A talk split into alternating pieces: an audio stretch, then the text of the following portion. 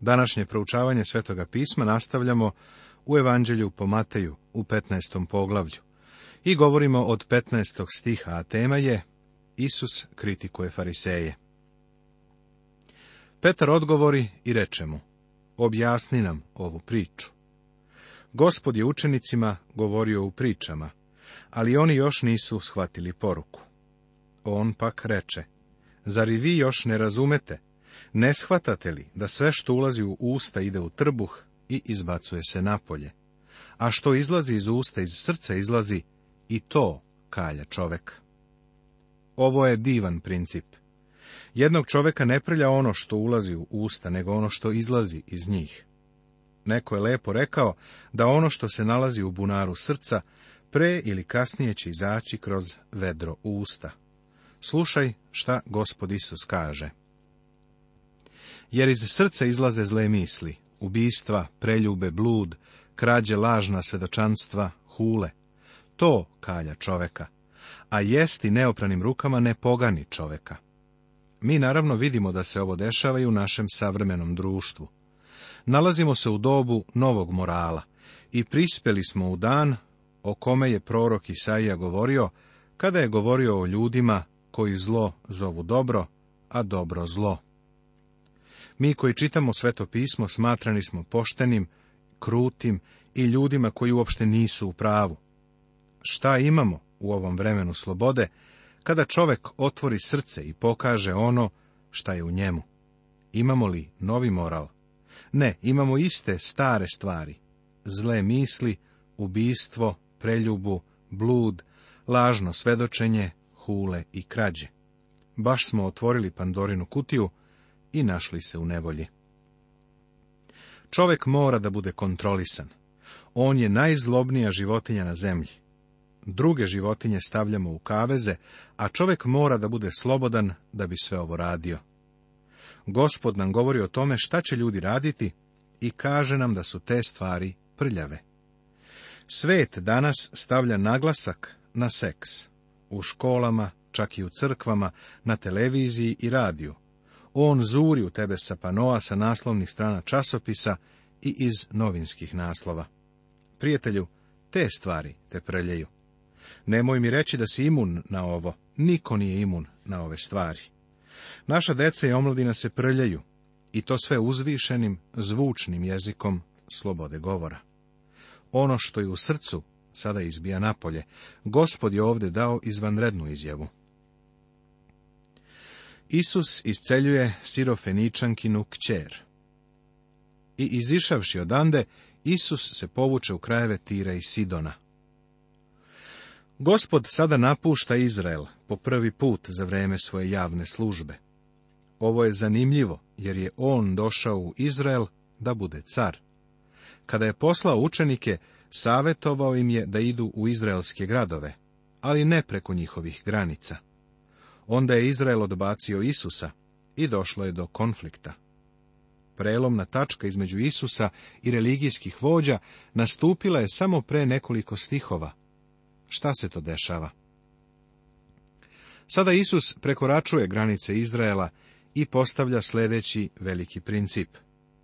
On sada želi da primi neznabošce. Njegov poziv glasi, dođite k meni svi umorni i natovareni i ja ću vas odmoriti. I gle, žena Hananejka izađe iz onih krajeva i povika govoreći, Smiluj se na mene, gospode, sine Davidov, moju čerku demon teško muči, a on joj ne odgovori ni reči. Tada pristupiše njegovi učenici i moljahu ga govoreći, otpusti je, jer viče za nama.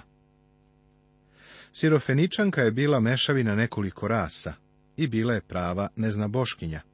U evanđelju po Marku, sedmom poglavlju, vidimo o njenoj nacionalnosti. Ona nije imala pravo na Isusa, kao na sina Davidova, pa kad mu se tako obratila, on joj nije ni reči uzvratio.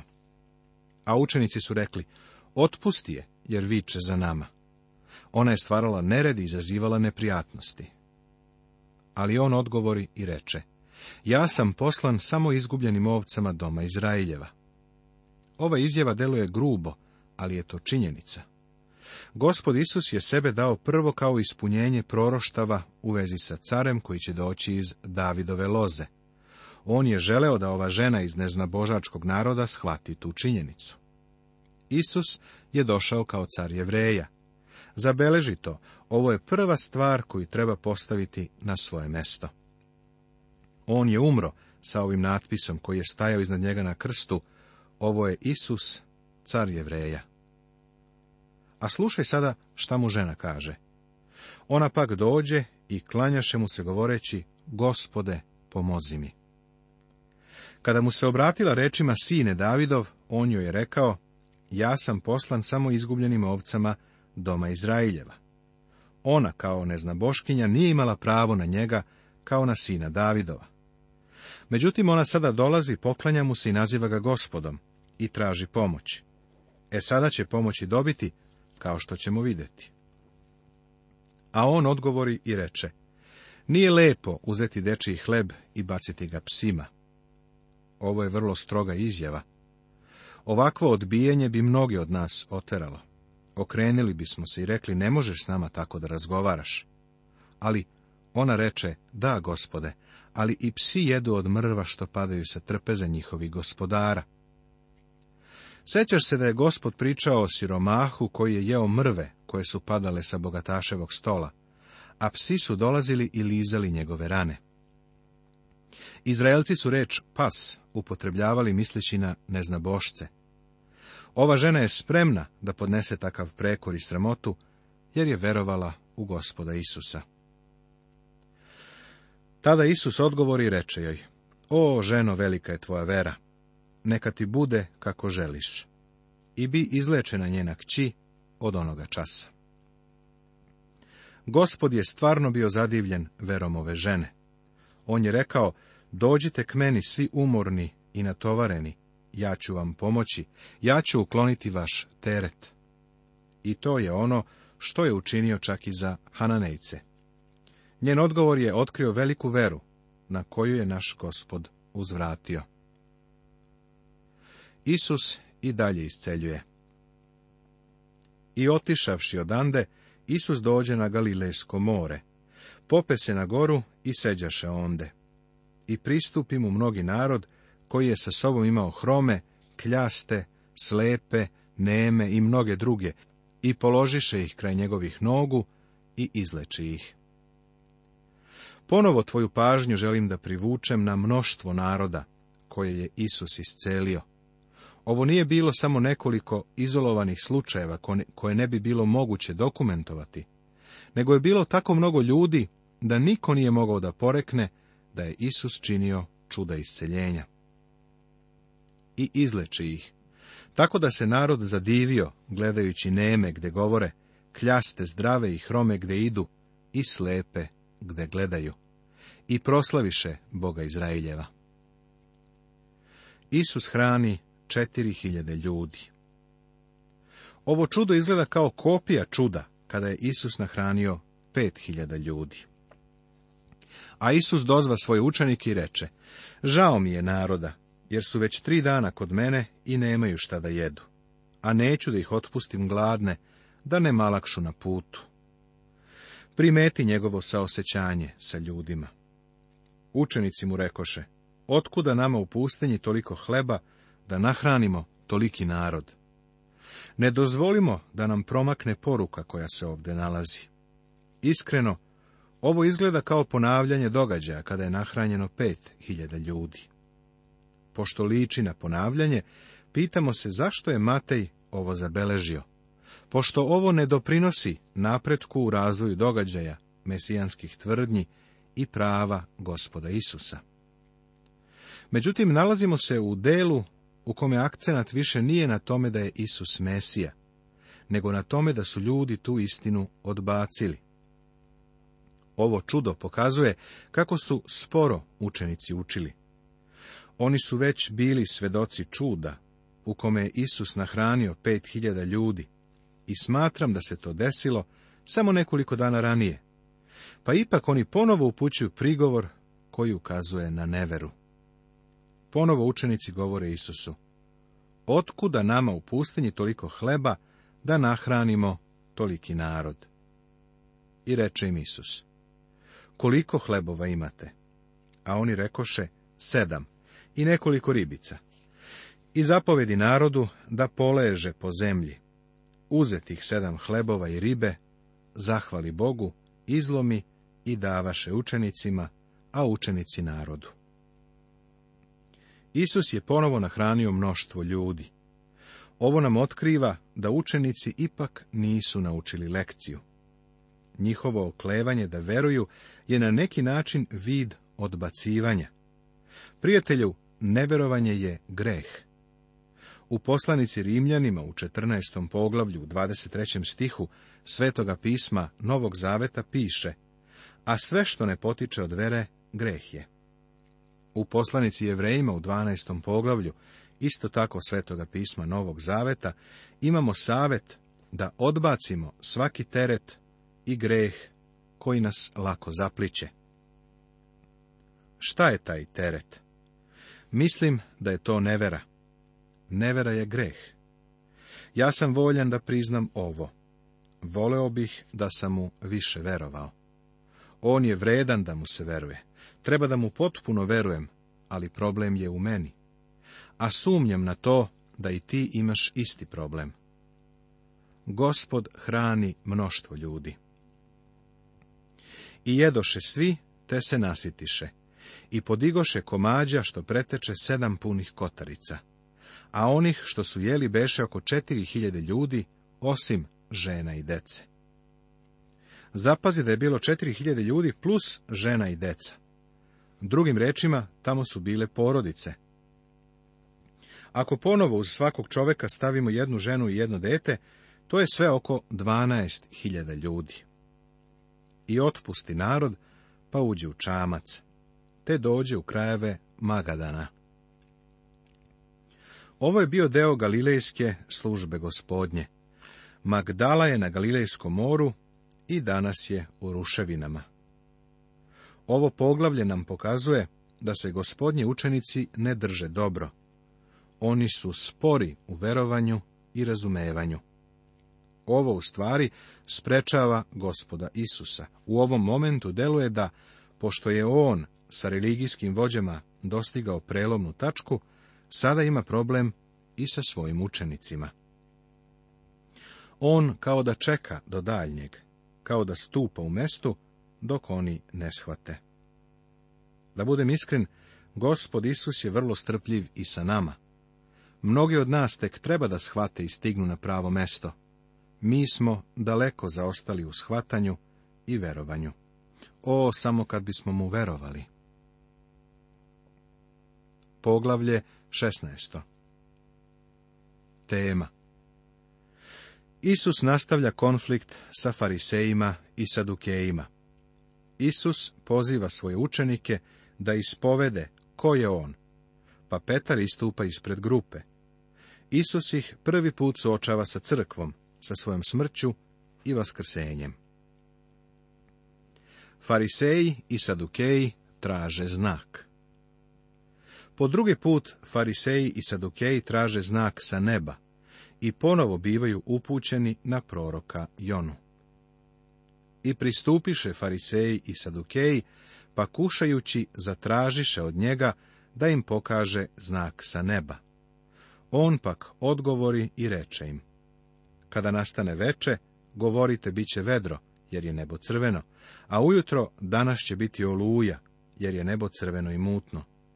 Lice neba znate da razlikujete, a znake vremena ne možete.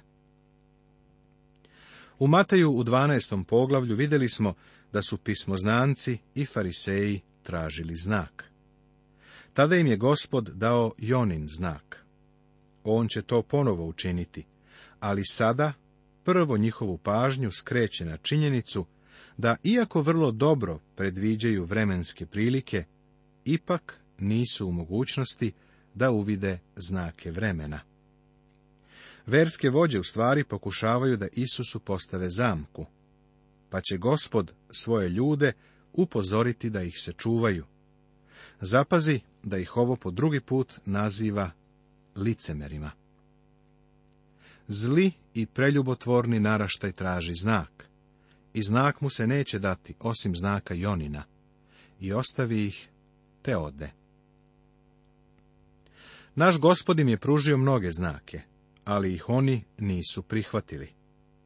On sada po drugi put predviđa Jonin znak. U prethodnim poglavljima, u poglavlju 12.40, on je rekao, jer kao što je Jona bio u utrobi morske nema ni tri dana i tri noći, tako će biti i sin čovečiji u srcu zemlje tri dana i tri noći.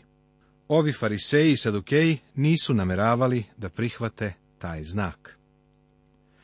U ovom poglavlju vidjet ćemo tri načina na koja su ljudi posmatrali Isusa. Fariseji i Sadukeji ga smatraju varalicom i ne veruju da je on Mesija. Mnoštvo naroda misli da je on Jovan Krstitelj, Ilija ili neki drugi od proroka. Ovo je bilo vrlo laskavo i pohvalno sa njihove strane, iako su potpuno promašili suštinu. Učenici iznose treće gledište, oni veruju da Isus jeste Mesija, Hristos, sin živoga Boga. Fariseji i Sadukeji tražili su znak. Gospod Isus im je rekao da se nikakav znak neće dati, osim znaka proroka Jone. I ostavi ih, te ode. U njegovom postupku se nalazi nota konačnosti, kada se okreće od njih i odlazi. Zatim on svoje učenike upozorava na kvasac ovih religijskih vođa. Isus upozorava učenike. A učenici pređoše na drugu stranu i zaboraviše da uzmu hleba. Isus im reče, gledajte i čuvajte se kvasca farisejskog i sadukejskog. Oni pak razmišljahu u sebi govoreći, hleba nismo poneli. U Mateju, u 13. poglavlju, saznali smo da je kvasac uvek princip zla, nikada princip dobra. Gospod ovo potvrđuje kada kaže da se čuvaju kvasca. Ako si upozoren da se čuvaš od nečega, to sigurno nije dobro. Učenicima je u početku promaklo značenje kvasca, jer su mislili da je u pitanju hleb. Ali Isus sazna to, pa reče, Šta razmišljate u sebi, maloverni, što hleba niste poneli? Zar još ne razumete i ne sećate se pet hlebova na pet hiljada i koliko kotarica nakupiste? Ni sedam hlebova na četiri hiljade i koliko kotarica nakupiste? Kako ne razumete da vam ne rekoh za hlebove? Čuvajte se kvasca farisejskog i sadukejskog. Tada razumeše da nije rekao da se čuvaju hlebnog kvasca, nego farisejskog i sadukejskog učenja. Da je u pitanju bio materijalni hleb, učenici bi trebalo da se sete dva Isusova čuda, kada je obezbedio hleb za četiri i pet hiljada ljudi, ali ovde nije u pitanju taj hleb. Prema tumačenju samoga gospoda, kvasac je lažna nauka. To je ono što je zlo. Kada ljudi govore o kvascu evanđelja, koriste kontradiktorne termine. Kvasac nikada nije slika evanđelja. Kvasac je uvek simbolički prikaz zla. Ako gospoda Isusa prihvataš kao autoritet, onda jednom zauvek treba da ti bude jasno šta kvasac predstavlja. Isus poziva ljude da ispovede šta misle o njemu. Kroz celo Matejevo evanđelje treba da budno pazimo, jer je ovo evanđelje ključno za ostatak pisma. Treba da pravimo oštre podele i da pažljivo pratimo šta se dešava. A kada Isus dođe u okolinu Kesarije Filipove, pitaše učenik i govoreći, šta kažu ljudi, ko je sin čovečiji? Ako pogledaš na mapu, pronaći ćeš tri Kesarije. Kesarija Filipova je smeštena severno od Galilejskog mora. Gospod Isus je na severu, na položaju odakle će se okrenuti i zaputiti pravo ka Jerusalimu i krstu. Pre nego što krene na taj put, dve stvari moraju da se razbistre u glavama njegovih učenika. Prvo, ko je on i drugo, šta će uraditi.